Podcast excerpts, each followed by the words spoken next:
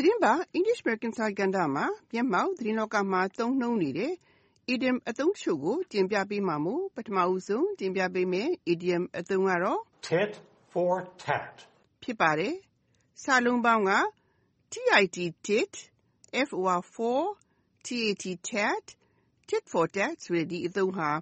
အင်္ဂလိပ်ဘာသာမှာ ထုလိုက်ရိုက်လိုက်တဲ့ အသံတွေကို ရည်ညွှန်းတာ ဖြစ်ပါတယ်။ဆိုလိုတာကတော့တစ်ဖက်က အသံတစ်သံထွက်တဲ့အတွက်ကြောင့် နောက်တစ်ဖက်ကလည်း အသံတစ်သံလိုက်ထွက်တာ ဖြစ်ပါတယ်။ idiom ဆိုတဲ့သွယ်ဝိုက်အဓိပ္ပာယ်ကတော့တစ်ဖက်က မခံကျင်စရာတစ်ခုခု လုပ်လိုက်တဲ့အတွက် ကိုယ့်ဘက်ကလည်း မခံဘဲ ပြန်လက်တုံ့ပြန်တာကို ဆိုလိုတာ ဖြစ်ပါတယ်။တနည်းအားဖြင့်တော့ this for that ဆိုတဲ့အသုံးနဲ့ တူတယ်လို့ ဆိုရမှာပါ။ကျမတို့ မြန်မာမှာတော့ အပြန်အလှန် သူကချ ကိုကလည်း သူ့ကိုပြန်ချတာမျိုး သူက ကိုနားလာကြိုက် ကိုကသူ့ပါပြန်ကြိုက်တာမျိုး ဘာတပြန်ကြားတပြန်ချကြတယ်ဆိုတဲ့အနေအထားမျိုးကိုဆိုလိုတာဖြစ်ပါတယ်။ဒီအသုံးကိုအမေရိကန်နဲ့တရုတ်နှစ်နိုင်ငံကုန်သွယ်ရေးသဘောတူညီမှု95ရာခိုင်နှုန်းရထားတာကိုတရုတ်ကစဖြစ်လိုက်လို့အမေရိကန်ကိုတင်ပို့တဲ့တရုတ်ကုန်စည်တွေပေါ်သမ္မတ Donald Trump ကအခွန်တိုးကောက်ခဲ့သလိုတရုတ်ကလည်းလက်တုံ့ပြန်ပြီးတရုတ်ကိုအမေရိကန်ကတင်ပို့တဲ့ကုန်စည်တွေပေါ်အခွန်တိုးကောက်လိုက်တဲ့အတွက် foxbusiness.com မှာ US-China immersed in a tit-for-tat tariff trade war အမေရိကန်နဲ့တရုတ်နှစ်နိုင်ငံဟာဘာတပြန်ကြားတပြန်ပို့ကုန်တွေအပေါ်အခွန်တိုးကောက်နေတဲ့အတွက်ကုန်သွယ်ရေးစစ်မှာနှီးမျောနေပြီဆိုတဲ့ခေါင်းကြီးနဲ့ရေးသားခဲ့တာဖြစ်ပါတယ်။ဒီအသုံးနဲ့ပတ်သက်လို့ George ကိုပြီးတဲ့ဥပမာကိုလေ့လာကြည့်ကြရအောင်ပါ John hit Harry, so he hit him back. It was tit for tat.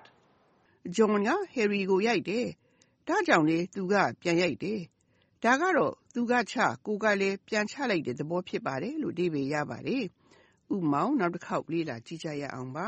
John hit Harry, so he hit him back. It was tit for tat. ခုဆက်လက်တင်ပြပေးမယ် idiom အသုံးကတော့ Foot the bill. ဖြစ်ပါတယ်။ FOOT foot က ဒီနေရာမှာ အောက်ဆုံးနားမှာ ရှိနေတာကို ဆိုလိုတာ ဖြစ်ပါတယ်။ဥပမာ လှေက အောက်ဆုံးအထစ်ကို foot of the ladder လို့သုံးထားသလိုစရင်းအင်းတွေမှာလည်းကဏ္ဍတွေအလုံးပေါင်းအပြီးအဖြေကိုအောက်ဆုံးမှာရေးချတာကိုဆိုလိုတာဖြစ်ပါတယ်။ The bill ကတော့ငွေပြေစာဖြတ်ပိုင်းဖြစ်ပါတယ်။စကားစုတစ်ခုရဲ့တိုက်ရိုက်အဓိပ္ပာယ်ကငွေပြေစာဖြတ်ပိုင်းရဲ့အောက်ဆုံးမှာပေါင်းထားတဲ့ကျသင့်ငွေဖြစ်ပါတယ်။ Idiom ဆိုတဲ့သွယ်ဝိုက်အဓိပ္ပာယ်ကတော့ကျသင့်တဲ့ငွေကိုတာဝန်ခံရှင်းပေးတာ စိုက်ထုတ်ပေးတာဖြစ်ပါတယ်။ အထူးသဖြင့် အတော်လေး ကုန်ကျစရိတ်များတာကို စိုက်ထုတ်ပေးရမှာ သုံးလို့ရှိပါတယ်။ဒီအသုံးကို လက်ရှိ တရုတ်နဲ့ အမေရိကန် ကုန်သွယ်ရေးစစ်မှာ အမေရိကန်ကို တရုတ်က တင်ပို့နေတဲ့ ကုန်စည်တွေပေါ် သမ္မတ Trump က အခွန်တိုး စည်းကြပ်လိုက်တဲ့အတွက် တရုတ်က ပို့ကုန်တွေပေါ်မှာ လိုက်ဈေးတင်လိုက်လို့ Red Power တံဆိပ် electronic စက်ဘီတွေ ထုတ်လုပ်တဲ့ Seattle အခြေစိုက် အမေရိကန်စက်ဘီကုမ္ပဏီအနေနဲ့ တရုတ်လုပ်စက်ဘီတာယာတွေနဲ့ တခြားစက်ဘီအစိတ်အပိုင်းတွေကို ဝယ်ယူတင်သွင်းရာမှာ အရင်ထက် ဈေးပိုပေးဝယ်ရတာကြောင့် Washington Post သတင်းစာကြီးမှာ US bike maker feels he foots the China tariff bill ဆိုပြီး တရုတ်ကုန်စည်တွေပေါ် စည်းကြပ်တဲ့အခွန်ကိုအ မေရိကန်စက်ဘီကုမ္ပဏီကပဲ ကျခံရတဲ့ ကိန်းဆိုက်နေတယ်လို့ ယူဆတဲ့အကြောင်း ရေးသားထားတာဖြစ်ပါတယ်။ဒီအသုံးနဲ့ပတ်သက်လို့ George ကိုပြီးတဲ့ ဥပမာကို လေ့လာကြည့်ကြရအောင်ပါ The father of the bride offered to foot the bill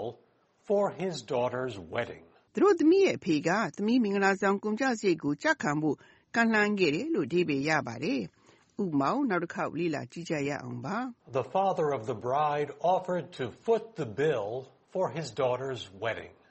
ခုနောက်ဆုံးတင်ပြပေးမယ် idiom အသုံးကတော့ Take a hit. ဖြစ်ပါတယ်။စာလုံးပေါင်းက take take ကယူတာ a hit a hit ကထိတာရိုက်တာခံရတာဖြစ်ပြီးစကားစုတစ်ခုရဲ့တိုက်ရိုက်အဓိပ္ပာယ်ကထိတာရိုက်တာကိုခံရတာဖြစ်ပါတယ်။ idiom ဆိုတဲ့သွယ်ဝိုက်အဓိပ္ပာယ်ကအထိနာတာဆုံးရှုံးမှုနစ်နာမှုကြီးမားတာအပျက်အစီးကြီးမားတာကိုဆိုလိုတာဖြစ်ပါတယ်။ ဒီအသုံးကို လက်ရှိ အမေရိကန်နဲ့ တရုတ် နှစ်နိုင်ငံကြား ပို့ကုန်တွေပေါ် အပြန်အလှန် အခွန်စည်းကြပ်မှုကြောင့် တရုတ်က ပို့ကုန်တွေ ဈေးတက်တဲ့အတွက် အမေရိကန်မှာ ကုန်ဈေးနှုန်းတွေ တက်လာလို့ လက်လီဆိုင်တွေ အထိနာကြဖို့ ရှိနေတယ်။ဒီကုန်သွယ်ရေးစစ်ကြောင့် နိုင်ငံတစ်ဝန်းဆိုင်တွေ ပိတ်ပစ်ရမယ်အခြေဆိုက်နိုင်တယ်ဆိုပြီး CNBC ရုပ်သံလွှင့်က Retailers to take a hit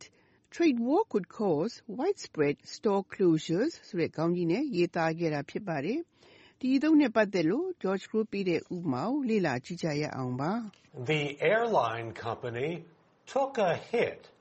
because of the recent plane crashes. ဒီကြောင့်ကုမ္ပဏီကမကြာသေးမီကလေယာဉ်တွေပြစ်ကျခဲ့တဲ့အတွက်အတော်လေးအထိနာခဲ့တယ်လို့အဓိပ္ပာယ်ရပါတယ်။ဥပမာနောက်တစ်ခေါက်လေ့လာကြည့်ကြရအောင်ပါ။ The airline company took a hit because of the recent plane crashes. ဒီသတင်းပတ် တင်ပြခဲ့တဲ့ idiom အသုံးတွေကတော့ Tit for tat, foot the bill, take a hit. တို့ဖြစ်ကြပါတယ်။နောက်သတင်းပတ် ခုလိုချိန်မျိုးမှလည်း နောက်ထပ် idiom အသုံးတွေကို ဆက်လက်တင်ပြပေးဦးမှာမို့ စောင့်မျှော်နားဆင်ကြပါရှင်။